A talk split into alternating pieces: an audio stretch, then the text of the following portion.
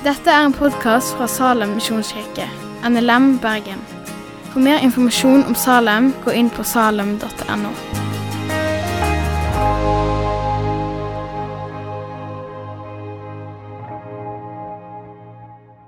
God søndag. Vi skal lese dagens tekst, som er hentet fra 1. Korinterbrev, kapittel 6. og Vi skal lese de elleve første versene. Når en av dere har en sak mot en annen, hvordan kan han da våge å legge det fram for de urettferdige og ikke for de hellige? Vet dere ikke at de hellige skal dømme verden? Men når dere skal dømme verden, hvorfor duger dere ikke da til å dømme i småsaker? Vet dere ikke at vi skal dømme engler? Kan dere ikke da dømme i jordiske saker? Og når dere har slike saker, hvorfor setter dere til dommere folk som ikke har tillit i menigheten? Dette er en skam for dere. Finnes det ikke en eneste forstandig blant dere som kan ordne opp i saker mellom brødre? Nei, bror fører sak mot bror, og det for dommere som ikke er troende. At dere har rettssaker mot hverandre, er i seg selv et nederlag for dere. Hvorfor lider dere heller ikke urett? Hvorfor ikke heller lide tap? Men dere gjør urett og lar andre lide tap, til og med søsken. Vet dere ikke at de som gjør urett, ikke skal arve Guds rike? La dere ikke føre vill, verken de som driver hor, de som dyrker avguder, eller de som bryter ekteskapet, verken menn som ligger med menn, eller som lar seg ligge med, verken tyver, grådige, drukkenbolter, spottere eller ransmenn skal arve Guds rike. Slik var noen av dere før, men nå er dere vasket rene. Dere er gjort hellige, dere er gjort rettferdig i Herren Jesu Kristi navn og ved vår Guds ånd. Skal vi be. Herre Far, vi tror at ditt ord er sannhet, om det så er vanskelig. Vi ber om at du kan tale til våre hjerter, eh, og at dette kan få være ord å leve på og ord å dø på, Herre Far. Amen. Vet dere ikke at de som gjør urett, ikke skal arve Guds rike? Paulus sier, 'Jeg har jo vært hos dere. Jeg har jo forkynt Guds ord.' Vet dere ikke alvoret om evigheten nå? Dette brevet kunne vært skrevet i dag. Fordi kunnskapen om død og død, si, livet etter døden er ikke så stor om den kristne troen heller. er ikke så stor. Den kunnskapen som, som Bibelen har, verken blant i samfunn, men av og til også i kirka, så har vi lite kunnskap om disse tingene. Men Paulus sier, 'Vet dere ikke? Er dere uvitende?' Og mennesket, lærer Bibelen, er faktisk uvitende fordi vi er blitt bedratt. Vi er blitt bedratt av djevelen. Det kan vi lese om i 1. Mosebok kapittel 3, der vi ble skapt av Gud. Alt Gud skapte, var godt. Men der relasjonen mellom Adam og Eva var god, mellom menneskene og Gud var god, sånn er det ikke lenger. Nå ser vi at den historien kjenner vi ikke lenger. For i dag så kjenner vi til krig, bedrag, løgn, svik, egoisme. Det er dagens historie, som vi lever i. Og Paulus skriver til korinterne en annen gang i andre korinterbrev. For jeg vokter dere med Guds brennende sjalusi. Jeg har lovet dere bort til Kristus og bare til ham, for å føre dere til ham som en ren jomfru. Men jeg er redd at slik slangen narret Eva med sin list, skal også deres tanker bli ført på avveier. Bort fra den oppriktige og rene hengivenhet til Kristus. For dere tåler det svært så godt når noen kommer og forkynner en annen Jesus enn ham vi har forkynt eller når dere får en annen ånd enn den dere har tatt imot. Den dere har fått, Eller et annet evangelium enn det dere har tatt imot. Paulus sier at mennesker kan bli bedratt. I dag òg. Jesus snakker om rikdommens bedrag i Nytestamentet. At det kan lure oss vekk fra troen. At vi blir mer opptatt av det materielle. Men Paulus også sier det fins et bedrag. La dere ikke lure. Evigheten din står på spill. Og Jeg tror at vi i dag òg lever under noen sannheter som kanskje kan lure oss litt. Det fins noen sannheter som, som, kanskje kan lure oss til å gå en annen vei enn det Bibelen lærer oss. En av disse, en av disse setningene er at Bibelen ikke er relevant. Men er egentlig mennesker annerledes nå enn da? Jeg tror verden ikke er sånn som den er skapt fordi vi mennesker er faktisk slik som vi beskrives i Bibelen. Jeg tror boka er skrevet veldig bra til oss som lever i dag. En annen eh, setning som blir, eller tanke som ofte spres i dag, er at moralske standarder de kan forandres. Vi er ikke så sjokkert over ting i 2021 som besteforeldrene var. Det som var synd før, det kan eh, vi kanskje prøve å forklare logisk, medisinsk, psykologisk. Altså moral er relativt. Det fins ingen evige prinsipper. Men Bibelen sier at det er ikke sant. Vi har ikke autoritet til å gå imot Gud som skaper, som har gitt oss åpenbart for oss hva han tenker. Moralske standarder ifølge Bibelen forandrer oss ikke. Og så er det òg en tanke om at døden det er slutten i dagens samfunn. Det fins ikke noe mer. Og troen på det gjør at folk vil ikke forholde seg til Gud. En trenger ikke Gud. Og så kan en òg tenke at Gud, hvis han finnes, er bare kjærlighet. Dermed er det ingen moralsk standard. Det er ingen dom, fordi Gud er bare kjærlighet. Det fins ingen evig død. Men er ikke da rettferdighet og dom den andre siden av kjærlighet? Hvis du elsker noen, blir du ikke da sint når noen skader deg? Vil ikke da føre og sørge for rettferdighet? En god himmel, den er ikke god uten at det som er årsaken til urettferdighet, kastes ut derfra. Og årsaken til urettferdighet, det vet vi så veldig godt, er mennesker. Egoisme, selvsentrerthet. At vi prøver å klatre på andres bekostning. En god himmel krever en dom. Og Paulus sier, 'Bli ikke bedratt'. Vet dere ikke at de som gjør urett, de skal ikke arve Guds rike? Det, med det så sier han at Gud finnes.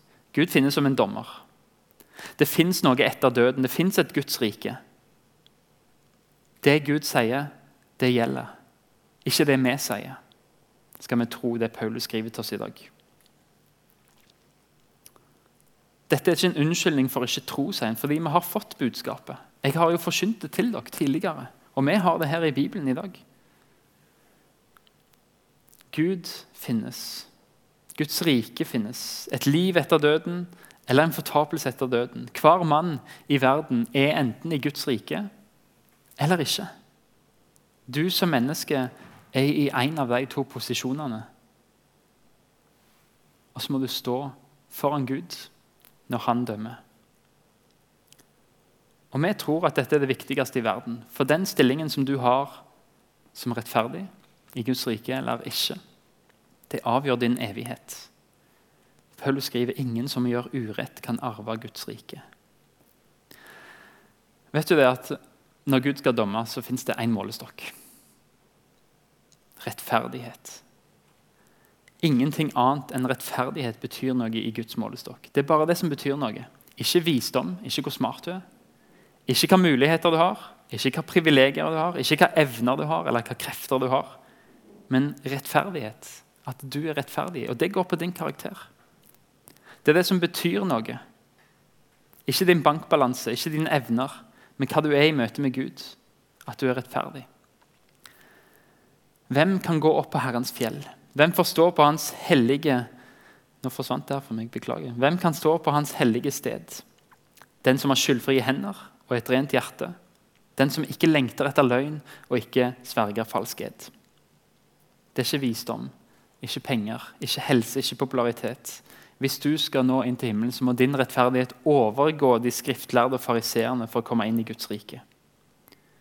Vi skulle levd som Gud skapte oss. Vi skulle levd som buda. Vi skulle ære Gud med hele vårt liv i rettferdighet. Det er det Bibelen krever av oss. Men den forteller òg en annen sannhet, nemlig det at alle mennesker av natur er urettferdige. Det finnes ingen rettferdig, ikke en eneste. Vi kan dele inn i rase, vi kan dele inn i klasse, vi kan dele inn i kjønn, vi kan dele inn etter inntekt, hva som helst. Men vi kan ikke si at noen av naturen er rettferdige, fordi alle er urettferdige.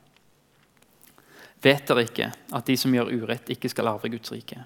La dere ikke føre vill, verken de som driver hor, de som dyrker avguder, eller de som bryter ekteskapet, verken menn som ligger med menn, eller som lar seg ligge med, verken tyver, grådige, drukkenbolter, spotter eller ransmenn skal arve Guds rike. Så kommer den lista her med synder. Og jeg vil si til deg, Selv om ikke du finner deg i den lista, betyr det ikke at du i deg sjøl er rettferdig.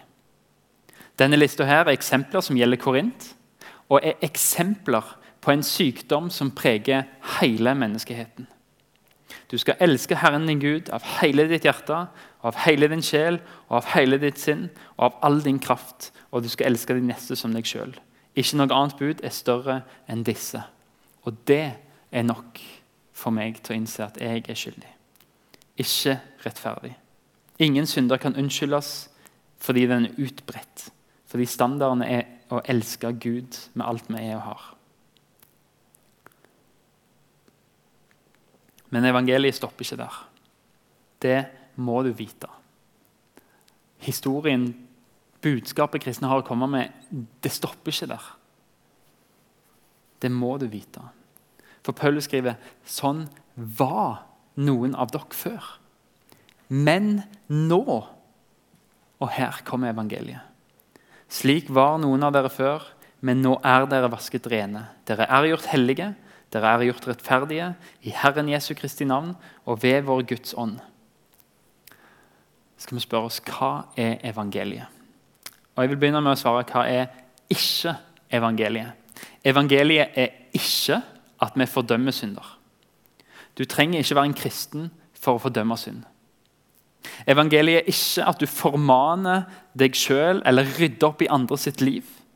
Det er fariseisme. Evangeliet er ikke at vi forsvarer synd, at det er greit, det der. Du har en nådig Gud. Evangeliet er ikke å hjelpe mennesker til å si de rette tinga. Du må si 'Herre, Herre'. Du må være, ta på deg en maske som kristen. Evangeliet er ikke en maske. Det er ikke et råd. Det er ikke en måte å leve på. Så hva er evangeliet? Det er et budskap. Hør nå. Paulus oppsummerer evangeliet i 1. Korinterbrev 15. For først og fremst overga jeg til dere det jeg selv har tatt imot. Kristus døde for våre synder etter Skriftene. Han ble begravet. Han sto opp igjen den tredje dag etter Skriftene, og han viste seg for Kefas og deretter de tolv død, begrava, oppstått. En historie om noe som har skjedd med Jesus Kristus. Det er et budskap, en nyhet om frelse. Evangeliet gjør ikke at vi skal fordømme syndere. Ikke at vi skal formane dem, men vi skal gi dem budskap om at de har et håp om et evig liv, en oppstandelse for de døde, i Jesus. Evangeliet er ikke en appell om å ta seg sammen, men et budskap om at Gud har ordna det som trengs. Et budskap som kommer med håp om tross alt at vi i oss sjøl er urettferdige, så fins det et håp om å være rettferdig pga. Jesus. Paulus skriver dere er ikke lenger urettferdige fordi dere er blitt vaska i Kristi navn og ved Guds ånds kraft. Vår skyld, alle våre avhengigheter, alle konsekvensene av alt det gale vi har gjort Paulus sier evangeliet vasker det vekk sånn at vi står rene foran Gud. Det er en ny fødsel, en ny skapning. Nå er du vaska. Du står ren foran Gud i Kristus Jesus, altså i troen på Jesus, ved Den hellige ånd. Ikke at du gjør det, men at Gud skaper det i deg.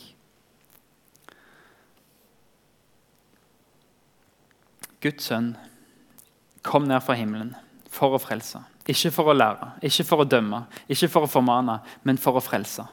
Ikke for å være et eksempel, men for å frelse. Aller først, aller fremst. For å forsone oss med Gud. Kristus ble menneske, bar våre synder opp på korset, ble slakta for oss. Også for det blir vår død. Vi bytter plass med Jesus og blir rettferdige. Vi blir vaska reine, hellige og reine. Rettferdige. Vi fordømmer ikke syndere som oss, men vi vil fortelle at det finnes et håp i Jesus. Sånn vi har erfart at vi er blitt reine. At vi er blitt gjenfødt, en nyskapning. Og Det er mulig fordi Jesus kom til oss fra himmelen, døde på korset. Hans kropp ble klust, hans blod rant i mitt sted. Det er evangeliet. Det er alt. Det er evangeliet.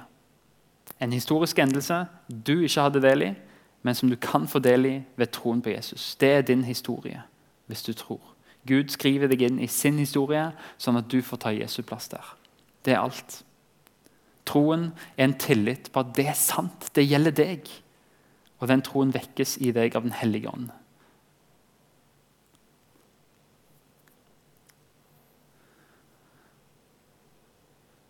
Til slutt så står det noe i teksten om noen andre ting òg. Fordi det er sånn at Vi blir ikke rykka opp til himmelen som kristne. Vi lever fortsatt i en fallen verden, som falne mennesker, men med et nytt perspektiv. Evangeliet gjør noe med viljen vår. Den forandres til å bli mer vendt mot Gud. Vi ønsker å følge Jesus, og det får implikasjoner i våre liv. Og Første Korinterbrev er et prima eksempel på nettopp dette. Hva gjør evangeliet? Hvordan forvandler det livet vårt? Og I dagens tekst så viser Paulus oss at det har noe å si for hvordan vi lever som kristne i fellesskapet.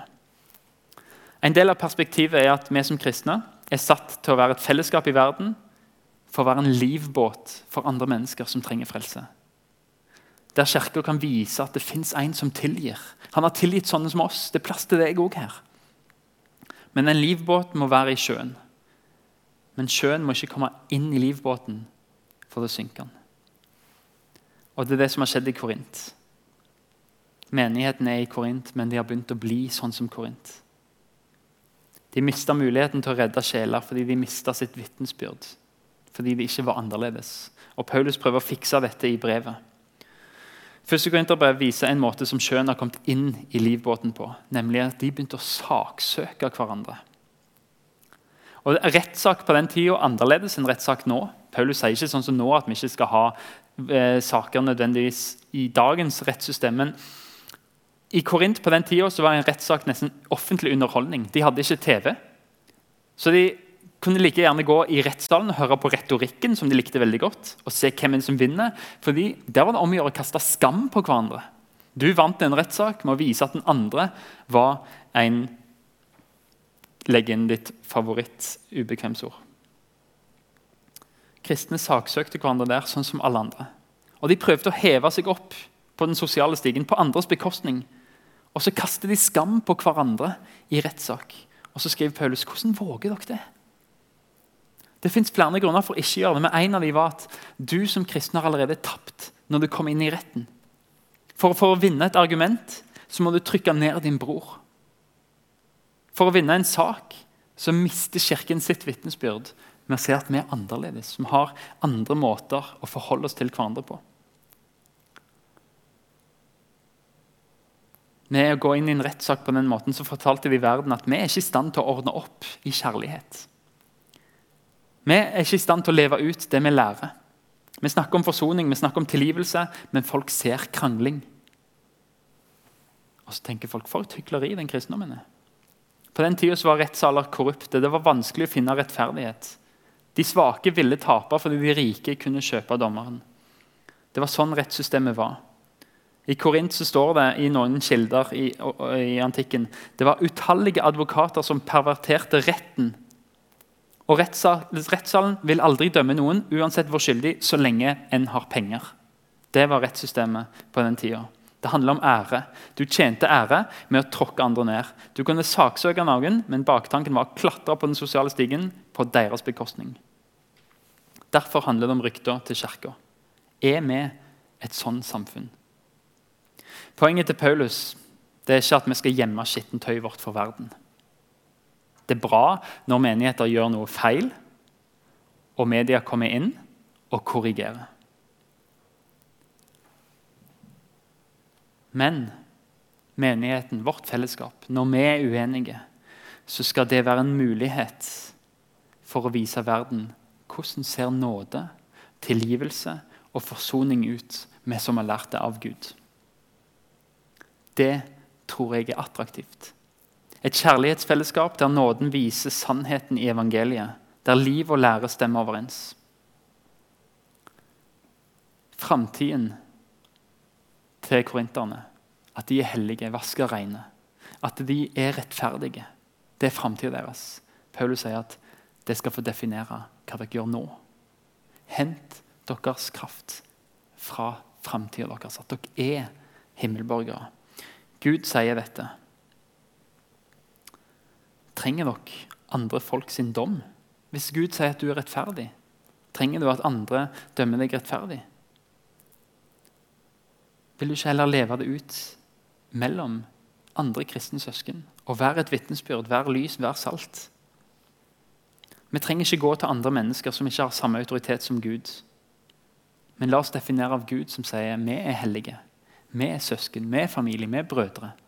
Ok, Hvordan ser det ut når vi krangler? Hvordan ser Jesu nåde i våre liv ut når vi trenger å vise hverandre nåde? Vi lengter etter å bli rettferdiggjort av mennesker. Å være likt, å ha rett, være populære. Men det Gud sier om oss, det skal holde for oss. Og så skal vi leve det ut iblant oss. Evangeliet, det er vårt alt. Det er det som kaller oss, det er det vi står i, det er det som skal forandre oss, og det er det som skal føre oss hjem. Så la oss leve i det og vise hvordan det ser ut. Takk for at du har hørt på podkasten fra Salem, Bergen. I Salem vil vi vinne, bevare, utruste og sende. Til Guds ære. Vi ønsker å se mennesker finne fellesskap, møte Jesus og bli disippelgjort her i Bergen og i resten av verden. Vil du vite mer om oss, gå inn på salem.no.